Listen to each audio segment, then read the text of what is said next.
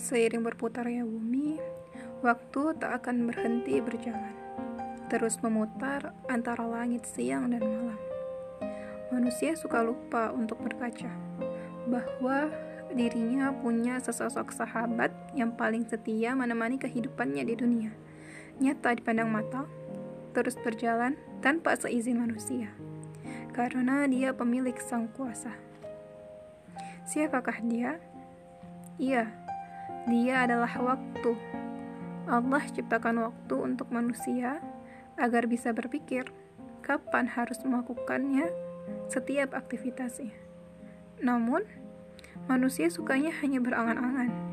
Aku ingin ini, ingin itu, banyak sekali mintanya ketika Allah turunkan firman-Nya dalam surat Al-Asr, wal asr demi masa. Innal insana lafi husar.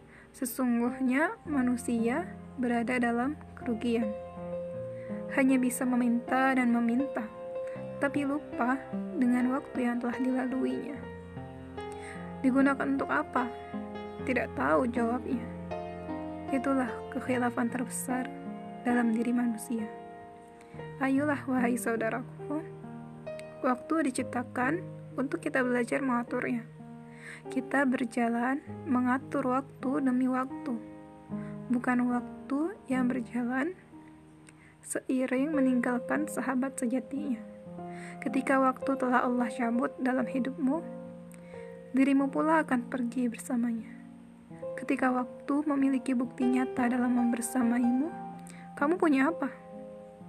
apakah sudah cukup banyak bukti amalanmu yang akan membelamu di akhirat kelak? Hmm, sudahlah. Mulailah dari sekarang. Kuatkan tekadmu untuk terus mengatur waktumu dengan baik. Semangat!